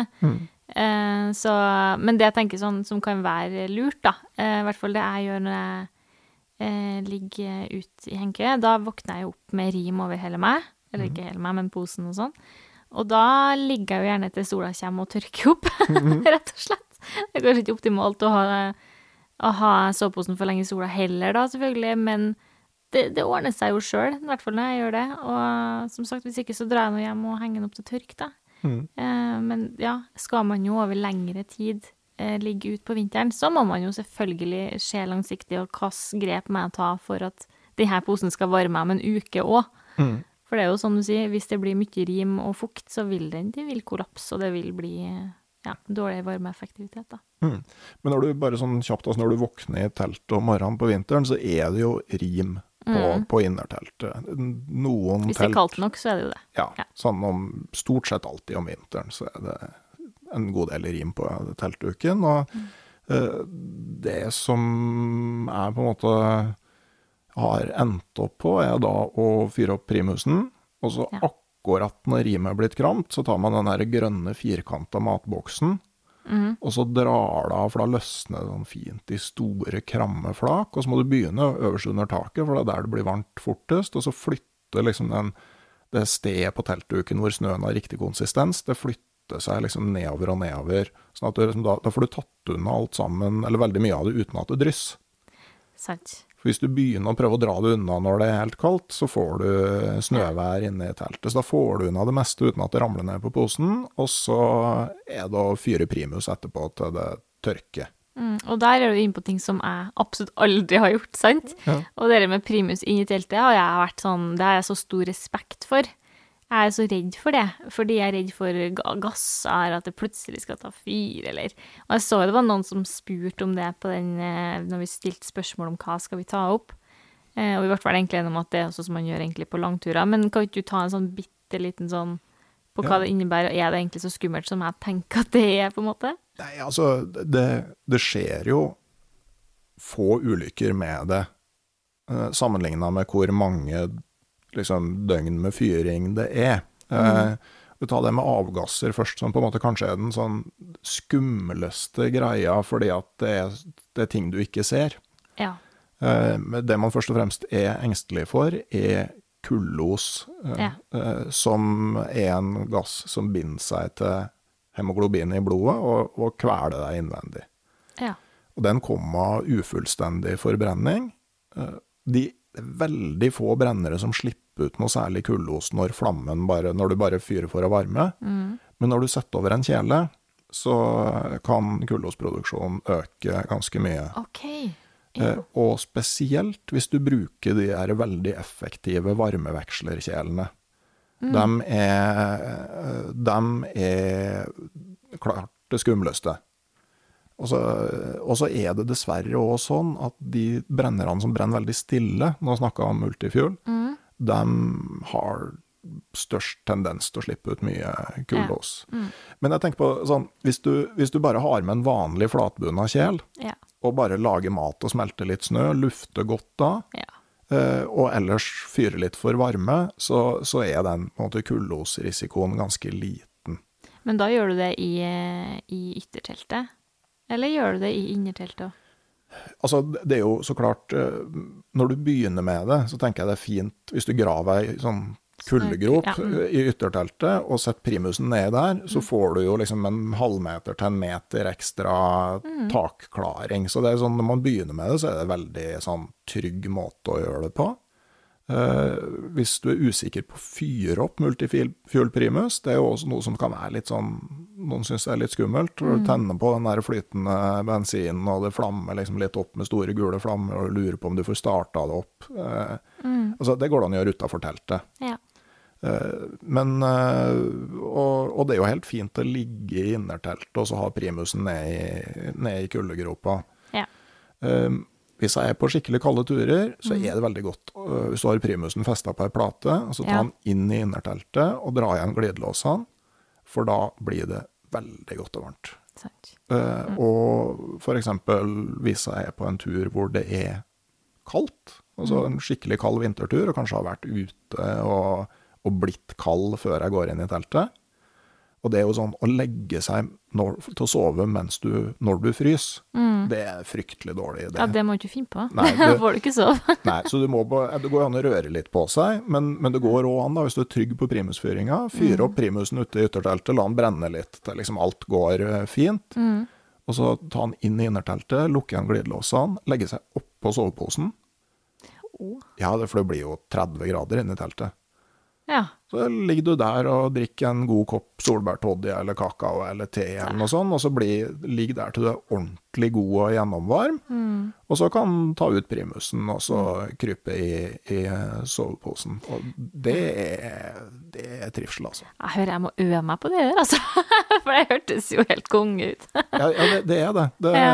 Du kan ha badstuetemperatur inne, og det er jo sånn, du får jo tørka klær og Ikke sant? For det er sikkert også noen som tenker på enn hvis jeg går meg blaut, liksom. Og, men ja, skal du på en liten tur, så er det ikke så krise, da. Men uh, hvis du skal over lengre enn tid, så er det jo greit å Nei, men jeg tenker på den første overnattinga, så går, tar, har du på deg et sett med undertøy som du går inn til campen i, Så og så setter du opp camp og skifter, og så går du tilbake igjen i det andre settet Mm. neste morgen. Absolutt. På lengre turer så må du da ta på deg det våte settet fra dagen før. Når du skal ut og gå, ja. Ja, Ja. sånn at du har et tørt sett til Må alltid ha et tørt sett til, til Til camp. Camp. Mm. Og så går det an å bruke gassbrenner. Um, den hvis du har en sånn gassbrenner hvor gassboksen kan stå opp ned, så funker det rimelig greit, i hvert fall ned til sånn 10-15 kuldegrader. Jeg har jo bare brukt gass, for jeg har så stor respekt igjen da, for det her med bensin og sånne ting. Mm. Så jeg har brukt vanlig gass til og med, ikke vintergass. Mm. Eh, sikkert ned i det du sier, da, i 10-15 minusgrader, og det har funka. Mhm. Så, men eh, det er jo en risiko å ta, da. Det er jo ikke alltid det er sikkert du får fyr hvis at eh, For det finnes vel en egen vintergass, gjør det ikke det? Ja, det, det finnes det litt forskjellige blandinger, og så finnes det en sånn primus som har en sånn spesialboks som det er noe papir inni. Eh, Jeg skal ikke gå i detalj på Nei. fysikken, men, men i hvert fall sånn Jeg har gjort noen målinger, gjør at du får ca. Du kan få jevnt rundt 1500 watt på hva tror jeg, 17 minus. Men da må boksen stå opp ned for at det her Ja. skal funke bra. Mm. Og det- er jo da under halvparten av effekten du får fra en multifuel-brenner. Sånn okay. Altså For ei Ja. enkel overnatting til litt matlaging og smelte litt snø Ja. og sånn, så er det greit. Skal du være ute lenge og smelte mye snø, Ja, ja, ja. Det så, sak. så blir det, tar det lang tid, og så blir det forferdelig dyrt. Eh, Ja, ja. For eh, bensin eh, er jo rimeligere energi enn gass. Men på, har du en gassbrenner, spesielt en sånn hvor du kan snu boksen opp ned, Mm. så kan du gjerne bruke den. Men vær litt obs på når du når det er kaldt, så kan du jo få ganske store flammer akkurat idet du starter den opp. Mm. Så det kan være at det er lurt å snu gassboksen riktig vei akkurat når du fyrer opp. Ja. Første ti sekundene, ja. Og så snur du boksen opp ned eh, når eh, flammene går bra. Mm. Så, eh, men igjen, altså det her kan du jo øve på hjemme. Det er akkurat det. Det er det som er så fint. Å øve seg på det man ikke er helt sikker på, før man tar seg ut, hvis man har behov for det, da. Og så snakka vi på altså, ikke sant, den tekoppen eller uh, sjokoladetoddy-koppen uh, før man kryper i posen. eh, Ja. den er jo god, og det er godt. Og det, det er jo egentlig viktig å være godt hydrert. Det vil jeg si. Og så er det lurt å gå på do før du legger deg. For hvis du heller inn avføring og urin, så vil jo det ta varme, masse varmetap fra kroppen for å prøve å holde det varmt. Så ikke, ikke legg deg trøngende, tror jeg er lurt. Så er det fryktelig ubehagelig å Ja, ja. ligge og holde seg. Det er ikke noe vits i. Og så er det veldig greit å lære seg å bruke pisseflaske. Ja, kanskje for dere i anatomien der, altså. Ja, jeg, jeg prata med ei venninne som nå hadde vært på en tur i fjor, og jeg vet ikke helt hvilken løsning det var hun hadde Er ikke det sånn tissetrakt? Ja, det er noe sånn traktanslag som endelig funka, og eh, Mm. det var litt sånn uh, hallelujastemning. Ja, jeg har jo øvd meg på det der sjøl. Fordi jeg tenker sånn Hvis du er på en eh, lang tur og du har full oppakning, og du bare kan dra ned buksa litt og sette en trakt, så er jo det helt genialt. Eller som du sier, ligge i teltet. Eh, men det, det å øve seg på det, det er så vanskelig, for det å stå som kvinne og skulle tisse det er så unaturlig at du får slippe i trakket, vet du. Jeg skulle stå og øve meg på do hjemme og liksom Å, kom igjen, å, kom igjen. Å, jeg har ikke sjans. Det er så unaturlig, vet du, å skulle liksom slippe når du står der. Ja, Så det, å, jeg ble helt rød, jeg. Men det går jo an. Det er òg lurt, da. Øv deg, eh, sånn at du ikke søler eh, med de greiene der. Fordi, og det finnes ulike former på dem òg. Så der er det litt sånn Der må du Det er touch and go. Der får du prøve litt ut ifra hvordan din form er, tenker jeg, da. Ja. For man er jo sikkert litt ulik eh, på hva som passer seg sjøl. Men helt enig, hvis du får det til å funke, så er det genialt, for da slipper du å krype ut av posen og Eller det må du kanskje gjøre, da, men krype ut av teltet, da, hvis det er kjempekaldt ut, og du liksom får den frossen i deg før du går inn igjen. Eh, men ta nå noen situps, da. Eller planken. Jeg står alltid planken eh, i soveposen før jeg legger meg, ja, for å få litt varme. ja. Eller noen situps eller pushups, for å liksom få i gang blodsirkulasjonen. Det hørtes ut som en sunnere måte enn å ta inn primusen og legge seg på posen. Jeg prøver litt mer sånn romersk, henslengt eh, komfortstil. da, på- Men, men det, det som òg ikke sant, er med det med pisseflaska, at én ting er at du slipper den turen ut, men Ja. du slipper òg den frykten for å måtte på do om natta, som Ja. gjør at du tør å drikke mer om kvelden, som gjør at du er i mye bedre form neste dag. Ja, det, det kan jeg kjenne meg igjen i, fordi jeg, det, det er ubehagelig å våkne opp og være så dehydrert. Mm. Eh, Det gjør jeg ganske ofte på tur, og det er mye pga. mangel på tilgang på vann, f.eks., at jeg ikke har med meg nok. Sånne ting. Det er greit å beregne at du har med deg ekstra vann, i hvert fall hvis du Men selvfølgelig på vinteren så er det jo snøsmelting, da har du tilgang. Men på sommeren så må du beregne litt mer på det, da. Hvor mye vann man har med seg. Eh, Nei, og det er jo ikke sant, på vinteren, altså hvis du, har, hvis du egentlig har drikket for lite helt siden du kom i camp kvelden før, så, så er det for seint egentlig å begynne å Ja. gjøre noe med det på morgenen. Du rekker liksom ikke å få fylt opp igjen ordentlig før det er på tide å gå. Sånn at eh, jeg tenker at det kanskje er noe av det viktigste med med, med tisseflaska, altså at du holder deg hydrert og i form. Mm, sant. Og det, det er jo nesten så du savner det når du kommer hjem. Du får ha en stående satt med senga, vet du. Jeg vet ikke om det er helt sånn sosialt akseptert. Det, Mm. men så er det jo en del som eh, på en måte lurer på sånn med mørkeredsel og eh, Ja. sånne ting. Altså, hvis på en måte frykten ligger der i det litt mer sånn der ulne. Jeg, jo, jeg er jo veldig mørkredd sjøl, og har rett og slett måttet ha laga meg det, for jeg kaller det for en verktøykasse, da.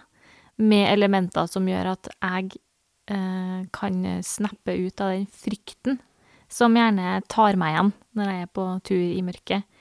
Um, og det er jo på en måte elementer som jeg personlig kjenner at det her roer meg ned. Så det er jo en prosess man må gjennom hver og en, for vi er jo individer. Men for eksempel da, så har jeg alltid med meg lyslenke, for det blir koselig, for eksempel. Jeg har med meg, jeg har lastet ned podcast på telefon.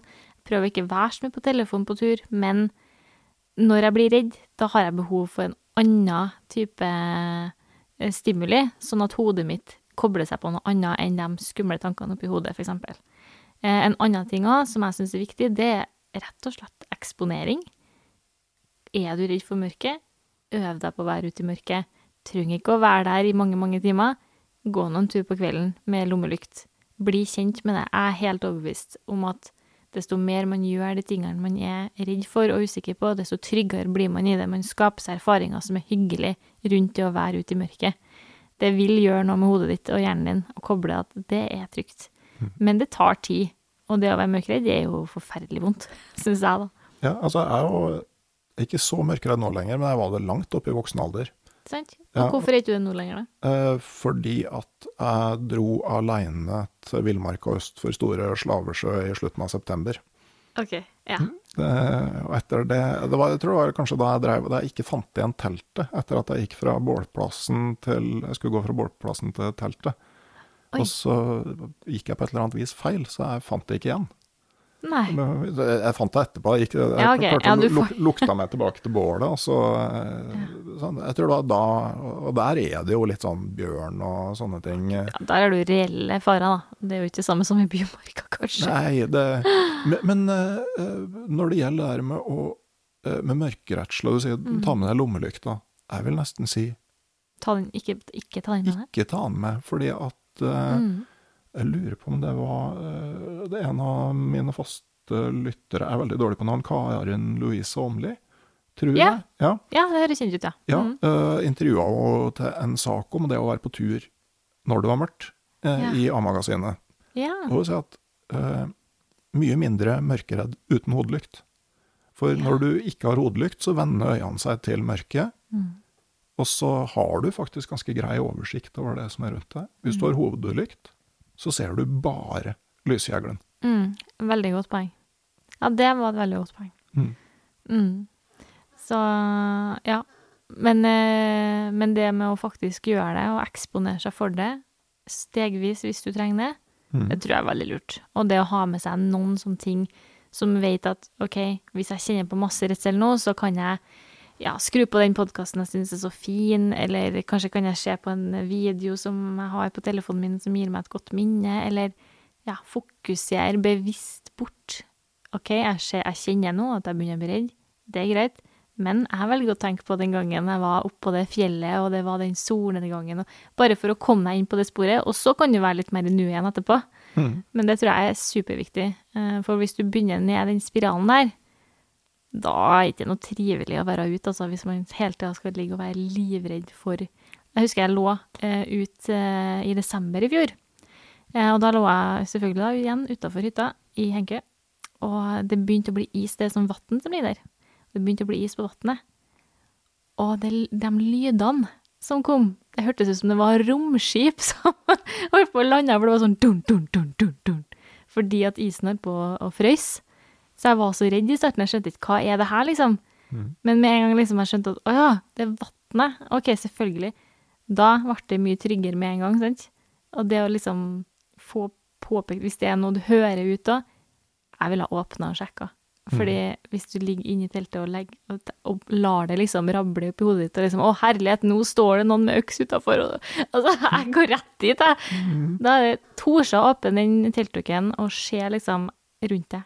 Var det noe egentlig? Kanskje det var et lite dyr, sant? Kanskje var det et eller annet som datt ned fra trærne.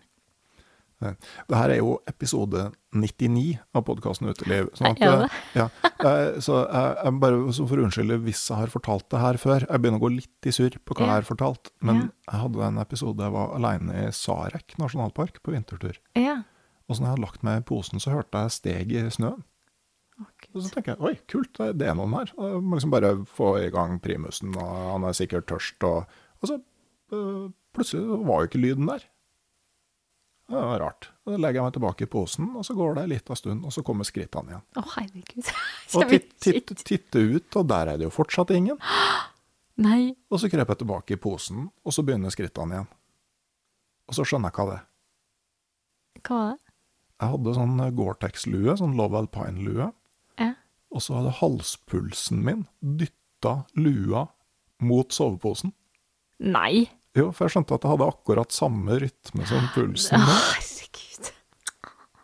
Men så artig at du sånn Å ja, så koselig, her er det noen. Jeg hadde vært helt sånn Å nei!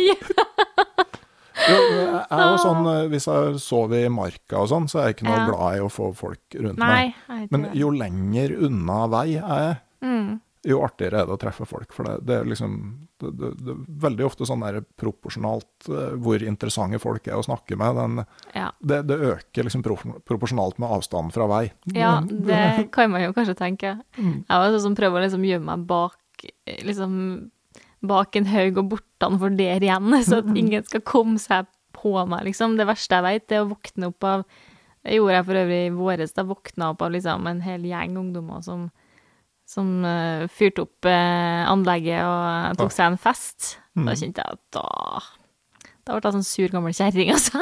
Herlighet. Uff. Nei. Ja, det, der hadde jeg en, eh, en sånn eh, Jeg møtte meg sjøl veldig i døra her en kveld forrige helg. Det var en del sånn festbråk, sånn dunk-dunk-lyd utafor her. Og så tenker jeg åh, hva er det som skjer nå? Mm. Og så begynte jeg å tenke meg om. og Så, ja, det er jo konsert i teltet under uka. Ja, ja, ja. Og det arrangerte jeg jo sjøl i 1997. Ja, sant. Eh, så det er som bare ok, nå har du blitt en gretten gammel gubbe her. Og jeg føler meg så Å, jeg er helt lik. Ah, det, um, nei. Ja. Det var jo eh, Det er jo artig, da. Folk har det artig. Det er kjempeartig, det, altså. Jeg bare Mm. Marka kan jo kanskje prøve å la være litt sånn skogens ro, så videre. Ja, og jeg har nevnt det før, og de fleste som, er, som drar i gang det anlegget der, de spiller jo så forferdelig musikk. Ja, det er ikke måte på sjøl. Nei, Nei. det er noe med, noe med det. Ja. Um, vært gjennom en god del her nå, men øh, hender og føtter uh, er jo Mm. Ja. sånn uh, utsatt område for å fryse. Altså, hva, har Mm. du noen tips der? Eh, altså, jeg er jo ekstrem på å fryse, da, så jeg har jo fått i meg sånne såler. Det er så fancy, vet du. Men jeg fikk prøve det av eh, et eh, brand som lager såler med liksom varme i. Ja, det er såpass. Jeg liker den som er votter nå. Så da har du liksom et sånt batteri som du kobler på. Det er helt sykt fancy, vet du. Så det høres jo Ja, det er litt for fancy at jeg egentlig sier det her nå, da. Men det er et alternativ hvis du er helt grise. Men det som eh, jeg bruker Når jeg f.eks. var på den tredagersturen i Trollheimen, så hadde jeg sånne små poser, sant, som du kjøper på XXL, inni vottene. eh, for det var så innmari vind, det var så kaldt. Mm. Og sånne varmeposer som du får kjøpt til 39 kroner eller sånn. Og likeens under fotene så klistra på. Ikke for det, jeg fikk faktisk brannsår av dem, så det er kanskje ikke sånn superlurt å, å, å liksom anbefale det. Men jeg la det oppå rista, der det Mm. var liksom helt eh, hudløst nesten, sant? så jeg fikk jo det brannsåret av det. Men under foten tror jeg det er mer eh, optimalt å klistre på sånne eh, pads, da, hvis du er helt krise. Men selvfølgelig, ha nok rom i skoen din. Ikke ha dem for trang. Ha plass til en ullsokk, og gjerne ha to, sant. En som er litt stram på foten, og en som er en raggsokk oppå der igjen. Og ikke minst, hold deg i aktivitet. Det er jo det som er clouet. Hvis du blir sittende i ro, da fryser du jo. Sånn er det jo bare. Eller hvis du har bål, så blir du varm, selvfølgelig. Men eh, ja, det Hold deg i aktivitet til du kryper i posen. Ja. Og, og vinterturer, i hvert fall midtvinters, det handler jo veldig mye om enten å være ute i aktivitet, eller Mm. å ligge i posen. Ja, det er jo det. Du skal ikke sitte i ro og, og, og på en måte, ja, fryse i hjel. det går ikke. Så du må liksom eh, Du må holde deg aktiv. Ja, og spesielt altså det, er å bli, altså det å bli litt kald når du skifter undertøy, eksempel, Ja, ja. det er ikke så farlig. Men det er når du blir sånn snikekald, at du har litt negativ energibalanse over tid, og blir liksom kaldere og kaldere og kaldere, da tar det lang tid å Mm. bli varm igjen. Og det er jo fordelen med å ha med seg hund på tur, da, for det så jeg det var noen som spurte meg om. Um, det her med hund på vintertur. Jeg har jo en liten Jack Russell, som ikke er en polarhund akkurat. Uh, men han må heldigvis luftes. Han må gå en tur, han, før vi legger oss, for å få tisse. Uh, for det gjør den ikke fra seg på camp. Og det er positivt, for da må jeg opp og gå. Og da får jeg varmen i meg, sant. Eh, men sånn kort om det, da, så til dem som vurderer å ha med seg hundene sine på tur, som ikke er polarhunder, og som kan ligge ute i snøen uten at det er noe problem, ha med sovepose til hund. Mm. Det har jeg alltid. Ha med sovepose, ha med eget sovedekken, sånn som du har med deg ull til soving, og ha med et aktivt dekken til ut og fær. I tillegg til potesokker, selvfølgelig, for de blir jo kalde på fotene. Eh, I hvert fall, min, da, blir veldig kald. Eh, I tillegg så han pleier å få varmeflaska mi innimellom, hvis der skjer at han fryser. Så han har faktisk en liten sånn helsportpose, som barnepose, og så har han en egen sånn hundesovepose, og så har jeg fjellduk over der igjen. Jeg stapper nedi, for han fryser så gærent.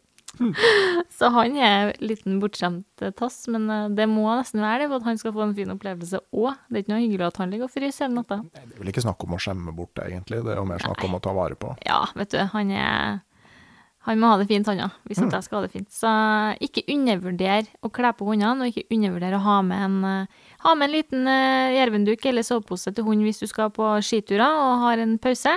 La dem få lov til å hvile seg i noe varmt, for det, det er kaldt at de må sitte i snøen med bar mage og ja, tisselur og i det hele tatt. De fryser jo på ballene og Altså, det er ting som faktisk må tenkes på, da. For de, eh, hunder, de er, de er trofaste, dem også. Og de sier ikke nødvendigvis ifra, men eh, det er synd hvis de får skikkelig frostskader og ja, blir dårlige av at man faktisk skal pushe dem for langt. Da. Ja. Og så kan det jo kanskje være en tanke hvis du skal ut på din første vintertur sjøl, Ja. og la være å ta med hunden den første gangen, sånn at liksom du har én ting mindre å tenke på. Vent til du har liksom kontroll på deg og ditt. Enig. Og i hvert fall hvis du ikke har hatt med sånn særlig på dagstur heller, på en måte. Hvis hun ikke er noe særlig vant med det, så trenger du ikke å begynne å pushe det med en gang. Men igjen, legg deg ut i hagen da, med hund. Se hvordan det funker. Du kan jo bare gå inn hvis det blir for kaldt igjen. Ja. Og så er det jo òg, ikke sant, med polarhunder. De må òg tilvennes til at du er på Ja. telttur. Ja, ja, ja. Første, oh, første teltovernattinga med to grønlandshunder, det var ikke mye søvn, altså. De Nei. sto ute og grein. Det her har vi aldri prøvd før, det her skjønner vi overhodet ikke. Hva gjør du nå?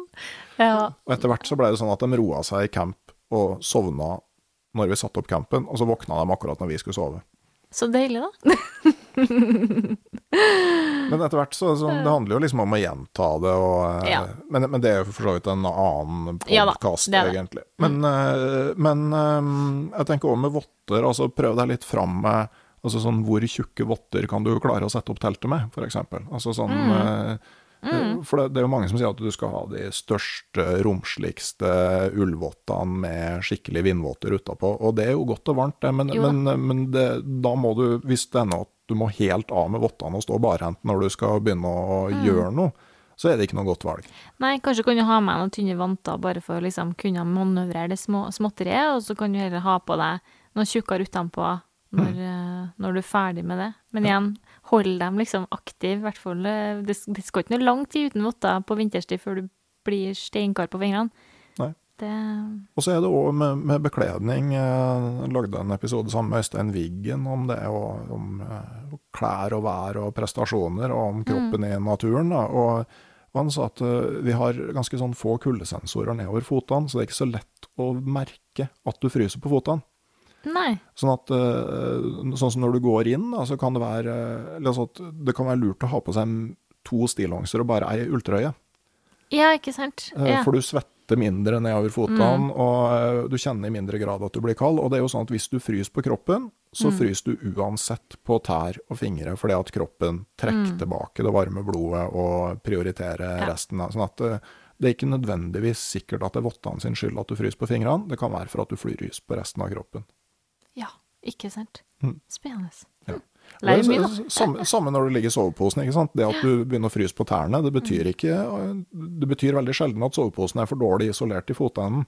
Det Nei. betyr at kroppen din taper mer Mm. energi enn den klarer å skape, og så reduserer den temperaturen i fotene for å minske varmetapet. Mm. Og derfor er det så superlurt å ha den varmeflaska i fotenden. Det er veldig godt. Veldig deilig. Og det er jo veldig ofte altså Jeg merker i hvert fall at jeg fryser lettere på fotene eh, nå. Jeg, jeg, er jo, Ja. Jeg driver jo og pusher 50 nå, så jeg, og har sikkert forfryst meg litt. Sånn at Ja. eh, jeg er ofte litt kald når jeg kommer inn i camp. Og, det, Mm. og hvis du bare kryper ned i posen, så tar det en god stund å bli, bli varm igjen. Mm. Sant. Eh, Sånne utstyr, vi har snakka om snøplugger det, Ja. til teltet. Eh, jeg det trenger du ikke nødvendigvis å kjøpe med en gang. Du kan Nei. eh, lage dem i tre, f.eks. Ja, ikke sant? At de er litt lengde på dem. Ja, finne Ja. noen sånne gulvlister, f.eks. Sånn type, i den type bredden, og så kappe i 50 cm lengder. Mm. Skjære inn et par hakk i dem, sånn noen centimeter nedpå, sånn at på en måte, Få festa får festa mm. bardunen eller, eh, eller pluggfeste. Eh, Så kan du bruke ski og sånn òg. Absolutt. Men, men det hender jo òg at du har lyst til å gå en skitur, da. Sånn at det er jo dumt å, at du må bruke alt Ja. av ski og staver til å eh, stramme teltet. Ja, det er sant. Um, men eh, hva tenker du eh, hva er det liksom av det vi har snakka om, eh, hva tenker du er liksom det aller viktigste som, eh, som eh, folk skal sitte igjen med? Det jeg tenker er aller viktigst, det er at uh, vi må tenke at terskelen er lav. At man trenger ikke å gå på de lengste turene for å få til en vintertur. At uh, det er helt innafor å ta det stegvis, og at det er helt innafor å legge seg 50 meter fra bilen for å prøve. Og at det ikke er noe skam å snu hvis at det ikke skulle være en supergrei opplevelse første gangen. Men det handler om tilvenning, og vi må på en måte Det med kulde og sånn, vi må øve oss på å være litt kald. Eh, det er ikke farlig, men det gir veldig mye eh, både mestring og fine opplevelser hvis man faktisk står i det, da. Det er jeg overbevist om. Så jeg tror det er stikkordet det, å på en måte ta det stegvis. Og som du sier òg, det her med utstyr. Trenger ikke så mye nytt og fancy utstyr.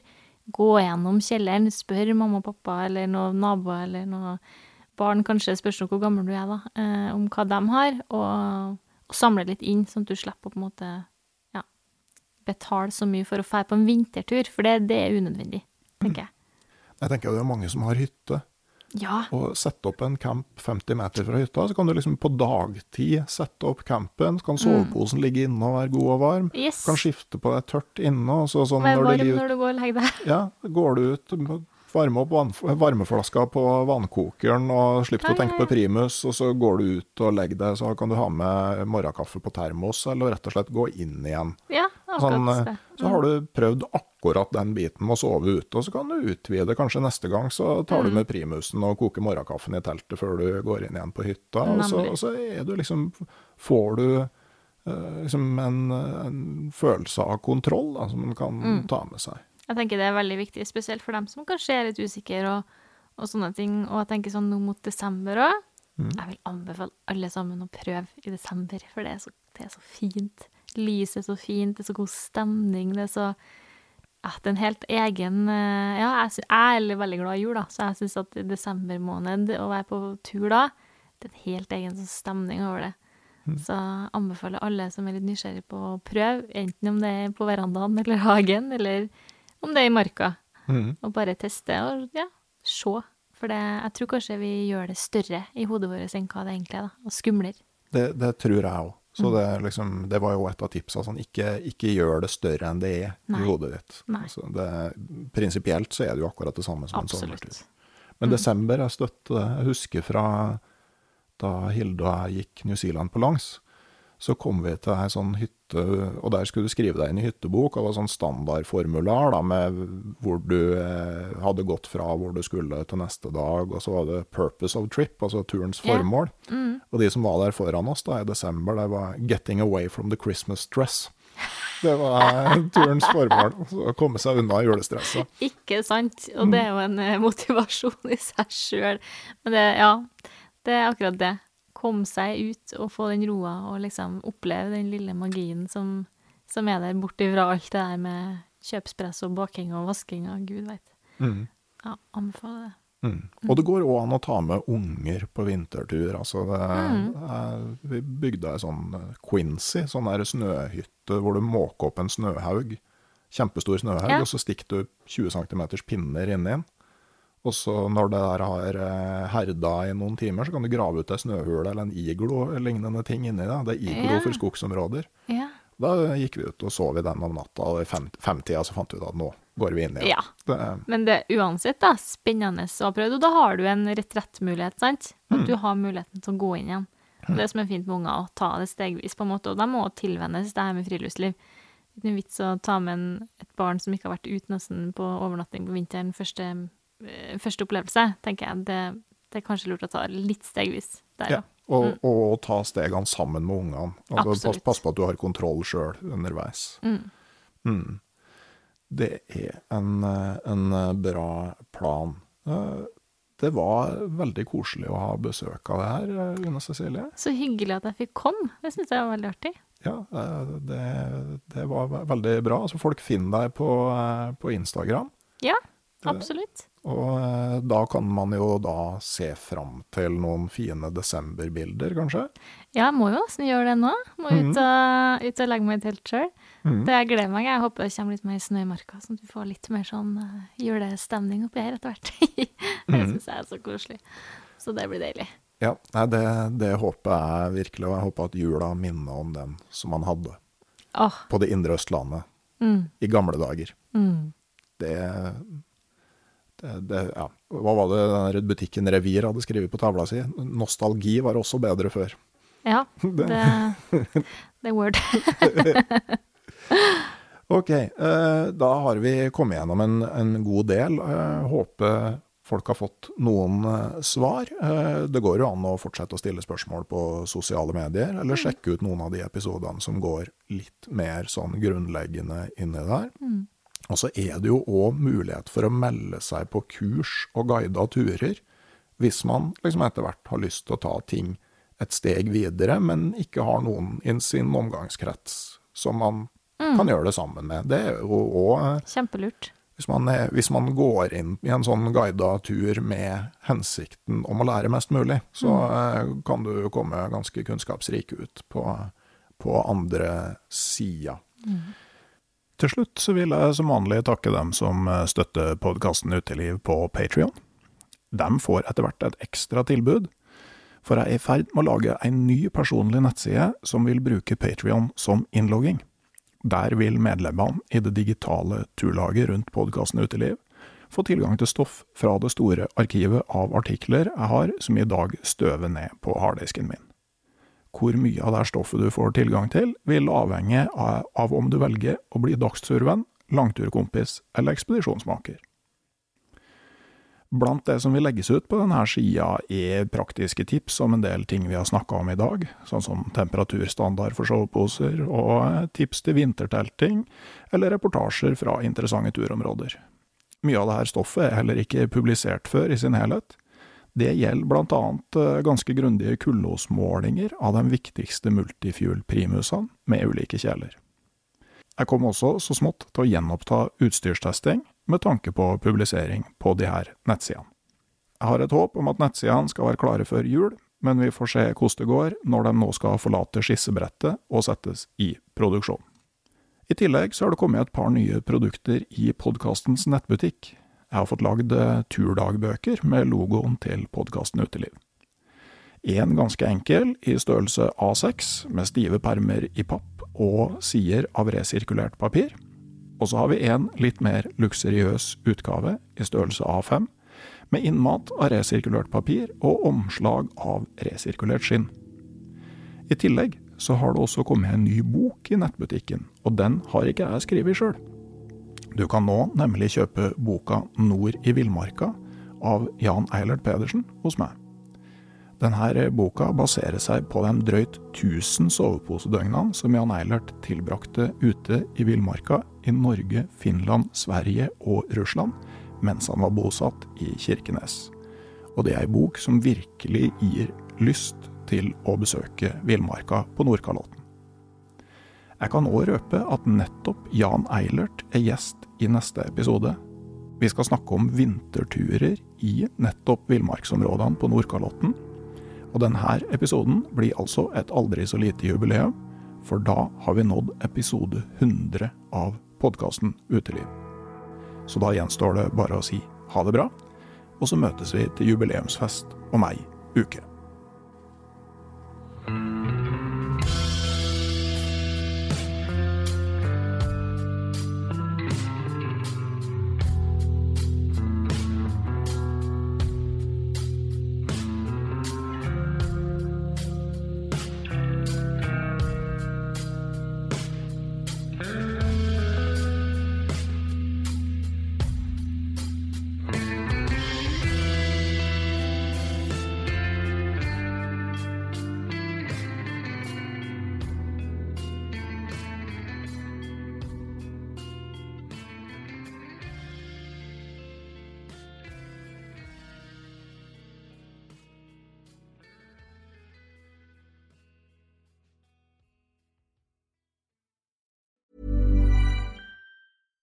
Catch yourself eating the same flavorless dinner three days in a row?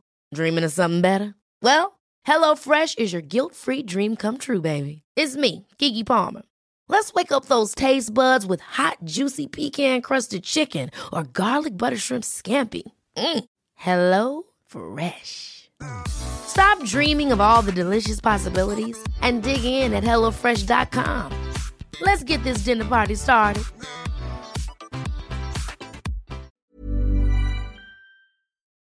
Hei, jeg heter Nore Helligsen og er daglig leder i Barents Outdoor. Det beste vi kan gjøre for planeten, er å redusere forbruket vårt og få mer ut av det utstyret vi allerede har. Men vi vet av erfaring at bruken av telt kan endre seg over tid. Det teltet du kjøpte for to år siden, passer kanskje ikke det behovet du har i dag. Derfor har vi i Barents etablert en egen panteordning der vi tar imot brukte telt av god kvalitet, i innbytte når du kjøper et nytt av oss. Prosessen er enkel. På barentsoutdoor.no gir det oss informasjon om teltet du vil bytte inn. Basert på det får du et tilbud fra oss som gir deg rabatt på ditt neste Barentsprodukt. Mer info og betingelser finner du på barentsoutdoor.no. Og husk at den første reparasjonen på produkter fra Barents er alltid gratis.